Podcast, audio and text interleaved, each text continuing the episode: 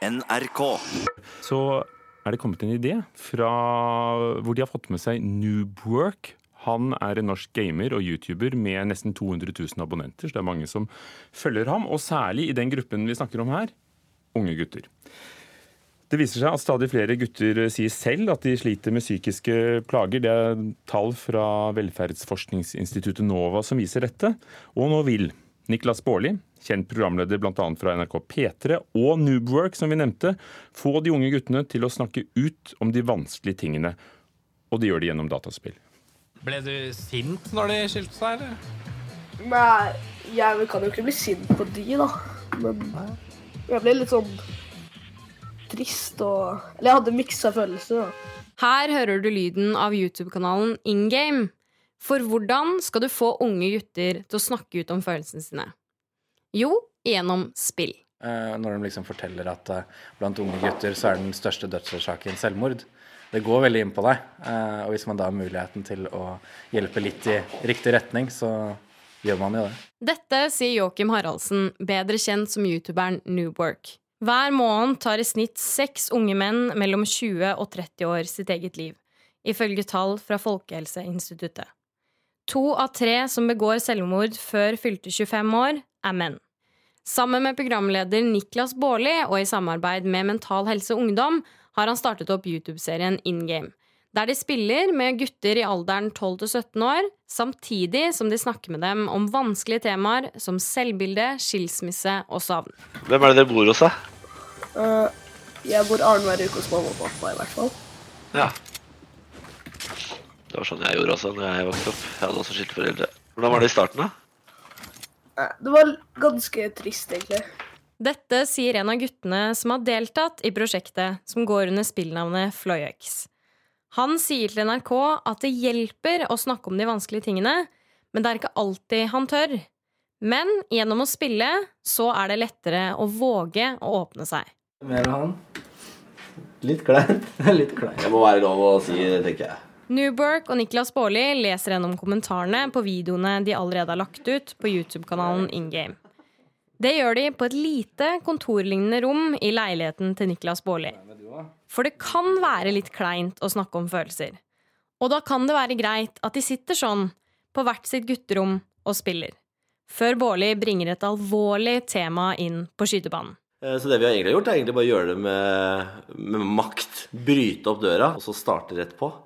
Eh, Og det funker egentlig ganske bra. Jeg tror det er fordi man har fjerna blikkontakten. Eh, Jeg vet ikke hvorfor unge gutter syns det er vanskelig å snakke om ting, men eh, jeg syns jo det sjøl. Man har jo blitt oppdratt til at man skal være tøff og kul, i hvert fall overfor kompiser. Så er det jo vanskelig å skulle vise seg at man er sårbar, da. Så lett å da skulle plutselig si sånn Du gutta, jeg har litt tungt om dagen, jeg. Og hvorfor kan det være så utrolig vanskelig for unge gutter å snakke om ting? Per Arthur Andersen, eller Helsebror som han liker å kalle seg, driver Oslos første helsestasjon for gutter. Han mener det ligger mye skam i det å be om hjelp. At det er en fellesnevner i at guttene ikke har for vane å snakke om disse tingene. De eh, føler de har en, en høyere krav til seg sjøl. At hvis du først må snakke om dette, her, så har du på en måte tapt litt. Grann.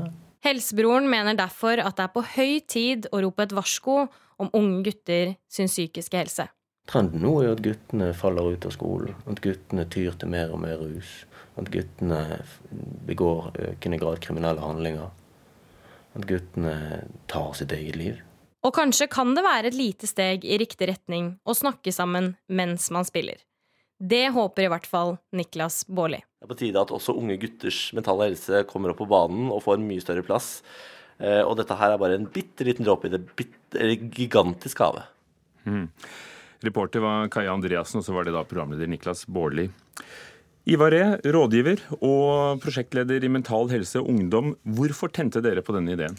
Det er jo eh, midt i blinken for eh, våre verdier, og vi syns det er en veldig god innfallsvinkel det her med å snakke med gutta om, eh, om tanker og følelser. For mye av problematikken ligger jo i at gutta har en manglende åpenhet og dårlig hjelpesøkeratferd. Og det å på en måte lage en kultur der det er greit å vise svakhet og snakke om tunge ting som f.eks. kroppspress og bekymringer rundt skole og stress og foreldrene sine skilsmisser og sånne type ting, eh, bidrar til å bryte ned det stigmaet ofte knytta til tanker og følelser blant gutta, da, som ofte er problemet for blant at gutta er overrepresentert i selvmordsstatistikken, at de eh, sliter med rusproblemer. eller detter ut av skolen f.eks. Hjelpesøkeatferd, altså de klarer ikke å be om hjelp. Eh, Hvordan vil disse ja, filmsnuttene er det jo, det er rundt et kvarter på hver episode.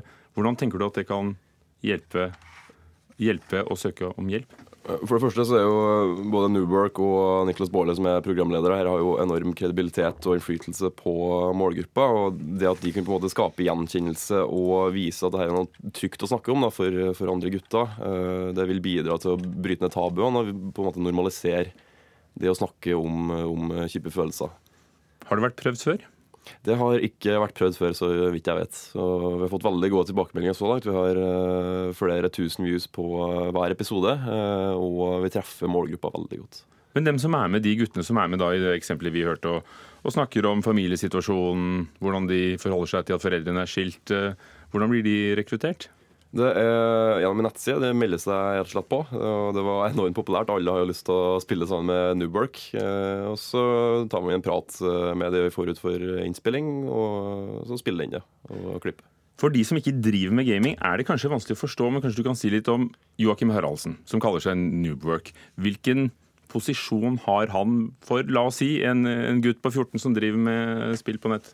Altså, han er jo en uh, veldig kjent person i målgruppa. Han har uh, i underkant av 200 000 abonnenter på sin YouTube-kanal og rundt 124 millioner visninger på sine videoer.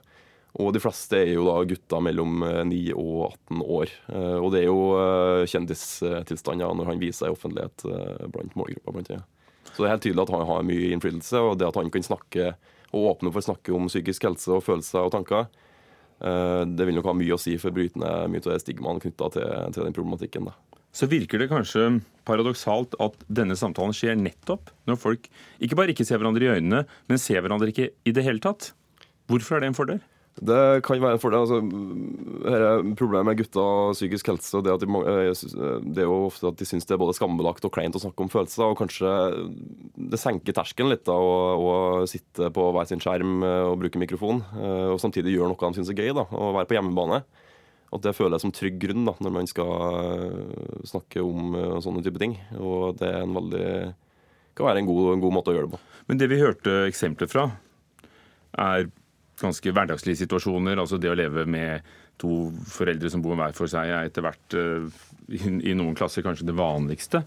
Hva med dem som har de alvorlige problemene, som sliter med, med angst, med, med, psykose? Altså, Hvordan sørge for at dette ikke bare blir der på overflaten? Ja. Man må jo starte et sted. og måte, Man bør jo starte med å åpne opp for å snakke om eller generell åpenhet. altså Det å snakke om små og store utfordringer i livet. for Ofte så er det vanskelig for gutta. og Da kan vi tenke da, at f.eks. mer alvorlige ting som for angstproblematikk eller symptomer på depresjon og blir vanskelig. da. Og Det å starte med å snakke om små og store utfordringer, f.eks. det med stress på skolen, eller forelskelse og sånne ting. Ja. Så kan det jo føre til en sånn følelse av at det er greit å snakke om sånne ting. Og det kan føre til at også man åpner seg og kanskje søker hjelp til helsesøster eller foreldre eller kompiser når man eventuelt møter mer alvorlige ting senere i livet. Vi refererte til data fra, fra NOVA om at stadig flere unge gutter sier at de sliter med psykisk helse. Hva opplever dere i Mental Helse Ungdom at de rapporterer om? Forteller? Det er, jo, det er jo en generell økning i ungdom som, blir, som, sliter med psykiske problemer. Om det er en faktisk økning eller om det er bedre hjelpesøkeratferd, er vi ikke helt uh, sikre på. Det er litt åpent for debatt. Men det som er bra sikkert, er at uh, det er et fokus der, og at uh, sikkert mye pga. sosiale medier og mye press fra alle hold, så er det mye forventninger knyttet til å være ung i dag. Og det er definitivt en problemstilling vi må ha mye fokus på fremover. Spesielt her med forebygging. Hvor mange episoder skal dere lage? Så langt så er det laga seks episoder, og det snakkes om å lage en sesong to. Takk skal du ha, Ivar Ree fra Mental Helse Ungdom. Året, og dermed også kunståret 2018, drar seg langsomt mot en slutt. Hva har gjort inntrykk? Hva har vi snakket om? Og hva har opprørt oss? Mona Palle Bjerke er NRKs kunstkritiker og har sett i notatene sine. Ja, det, det som satte sinnen i kok, var jo analplugg-gnomen. Eh, denne skulpturen til Paul McCarthy som ble reist ved Oslo Hospital i rundkjøringen der. Den er kjempestor, den er rød. Den heter ikke det. Eh, Den omtales som analplugg-gnomen. Det er en liten julenisse, rett og slett, som holder et eh, sexleketøy. Og det har jo også kunstneren identifisert det som. Jeg syns jo at Paul McCarthy, i hvert fall tidlig i sitt kunstnerskap, var en veldig spennende kunstner. Dette syns jeg bare er en helt sånn platt og veldig formsvak eh, skulptur som irriterer meg når jeg sykler forbi hver morgen.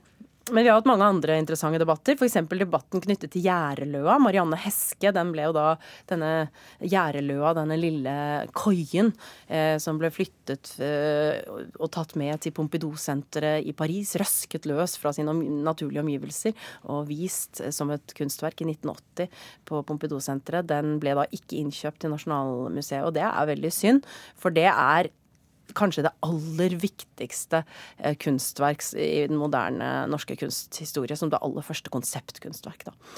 Og så fikk vi et eksempel på at et kunstverk, gatekunst, eh, også snek seg inn i den politiske debatten og nyhetsbildet. Ja, det var veldig morsomt. Det var jo en korsfestet Sylvi Listhaug i et blomsterhav. Og det er en sånn kunstverk som på en måte er veldig eh, på en måte for, Meningen taper seg litt etter hvert når man ikke lenger husker hva det handlet om. For det refererte til dette Facebook-innlegget til Listhaug, hvor hun etterpå fikk masse blomster på kontoret sitt og, og poserte i dette blomsterhavet. Det som er morsomt med denne avbildningen, det er jo at den har en veldig dobbelthet. Dels så tematiserer den Listhaug som en motstrømspolitiker, en på en måte modig stemme. Og dels så er det denne offerrollen som hun tok, som en som gikk ut av regjeringen, satt seg selv etter regjeringens hensyn. Og så er det dette ubehagelige frelseraspektet, selvfølgelig. Det at enkelte mener at Listhaug er en som skal redde oss. Og det er jo spørsmålet fra hva, og det er selvfølgelig da i den mørke folkefantasien Arbeiderpartiet og det Arbeiderpartiet har skapt eller gjort Norge til. Så la oss flytte oss til institusjonene. Du nevnte Nasjonalmuseet og debatten rundt noe de ikke kjøpte inn. Men hva, hvordan har det stått til på Nasjonalmuseet i år ellers? Ja, Det har jo vært en veldig lav utstillingstakt, og jeg har jo kritisert det mange ganger for dette. Jeg syns jo det er for dårlig at de ikke klarer å skape mer selv om de flytter. De har jo en kjempestor fagstab, og alle kan jo ikke være beskjeftiget med denne flytteprosessen. Og de har jo faktisk et, et museumslokale som skal bestå, nemlig Arkitekturmuseet. Og der syns jeg de skulle skyfle inn fagkrefter og skape storsatsinger. Der har det også vært veldig labert. Nasjonalgalleriet er jo det museet der det har skjedd litt ting, og de få utstillingene som har åpnet, har vært veldig flotte, syns jeg. Sånn som Gerhard Munthe, som åpnet i juni praktfull utstilling. Viser hele spennvidden i dette fantastiske kunstnerskapet. Stor formgiver, stor kunstner. Og så nå i oktober Harald Solberg, som jo er en av våre viktigste kunstnere. En utstilling som fortsatt henger. Er det andre eksempler på at noen har klart å finne et tema og lage en god utstilling? Ja, jeg var veldig begeistret for utstillingen A Beautiful Accident, som var en del av teknologi- og kunstbiennalen Metamorf, altså på Trondheim kunstmuseum. Den åpnet i mars. Og det er en utstilling som tok opp veldig viktige spørsmål, som hvordan kunstig intelligens tar over, eller kan true med å ta over for oss. Hvordan våre maskiner blir stadig mer intelligente, og hvordan vi selv, på en måte våre kognitive evner, lammes av hele vår skjermbruk, hele vår måte å leve på, og hva som da, hvordan, hvor vil bære av sted.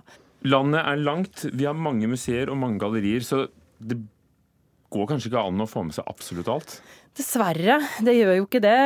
Så man må jo bare nevne Det blir bare glimt, dessverre. Men jeg har jo en... kom et glimt til. Ja. 3,14 i Bergen. Heather Dewey Hagborgs prosjekt Probably Chelsea. A Becoming Resemblance. Altså som, hvor jeg kom intetanende opp den ærverdige trappen og blir da konfrontert med 30 stirrende ansikter som tilsynelatende svever i luften. Dette er da 3D-portretter eh, som er generert av DNA fra da varsleren Chelsea E. Manning, og dette er algoritmisk generert, jeg aner ikke hvordan dette henger sammen, men det er i hvert fall kunstnerne har klart å skape portretter basert på DNA. Og det viser at det er det samme DNA som har skapt 30 helt forskjellige ansikter, forskjellige hudfarger, forskjellige uttrykk, forskjellige kjønn, og viser at DNA er ikke den fasiten som vi vanligvis tenker. Men dette kan jo også tematisere dette, for dette er på en måte en ansikt-til-ansiktskonfrontasjon uten å være et menneskemøte. Og du får en veldig sånn fjernhet. Og kanskje kan tematisere nettopp det at det mellommenneskelige er under press i vår tid, da. I vår på en måte skjermalder. Heter galleriet 3,14? Kunsthall 3,14. Å ja. Det var på Kunsthall 3,14 i Bergen, hvor også det store kunstmuseet Kode ligger. Hvordan har Kode markert seg i år? Kode har hatt et godt år. Eh, De hadde jo den store Dal-utstillingen. Det var jo en praktfull presentasjon av Johan Christian Dahl, eller IC Dahl som vi gjerne kaller han. Og det var jo veldig gøy å se så mye Dahl samlet, helt fra eh, de tidligste bildene før han ble skolert, og frem til hans periode gjennom utdannelse i København, til Dresden. Eh, Men det jeg hadde å utsette på den utstillingen, var jo at man ikke kastet noe nytt lys på denne kjempen i norsk eh, kunsthistorie. Men likevel var det altså en kjempeflott utstilling. Så var det Ed Richey, altså i oktober, altså denne popkunstens store pioner. Eh, amerikansk kunstner som har skapt store, ikoniske bilder som 26 Gasoline Stations. Og han var jo grunnleggeren av dette eh, kunstbokkonseptet. Altså det at eh, en bok også kan være et eh, kunstverk. Det var også en stor og viktig utstilling. Og så hadde de jo nå på tampen Vanessa Baird, store det store verket 'You Are Something Else', som også i fjor vinter ble vist på Kunstnernes hus. Det låter som om 2018 har vært et godt år for kunst i Norge. Ja, jeg syns det har vært veldig veldig mye fint i 2018, og gleder meg nå veldig til et nytt år. Mona Pale Bjerke, vår kunstkritiker. Vi tar med at det var håp, men Iram Haks film 'Hva vil folk si' ble ikke nominert til Oscar for beste fremmedspråklige film likevel. Bare Danmark fikk med en fra Skandinavia.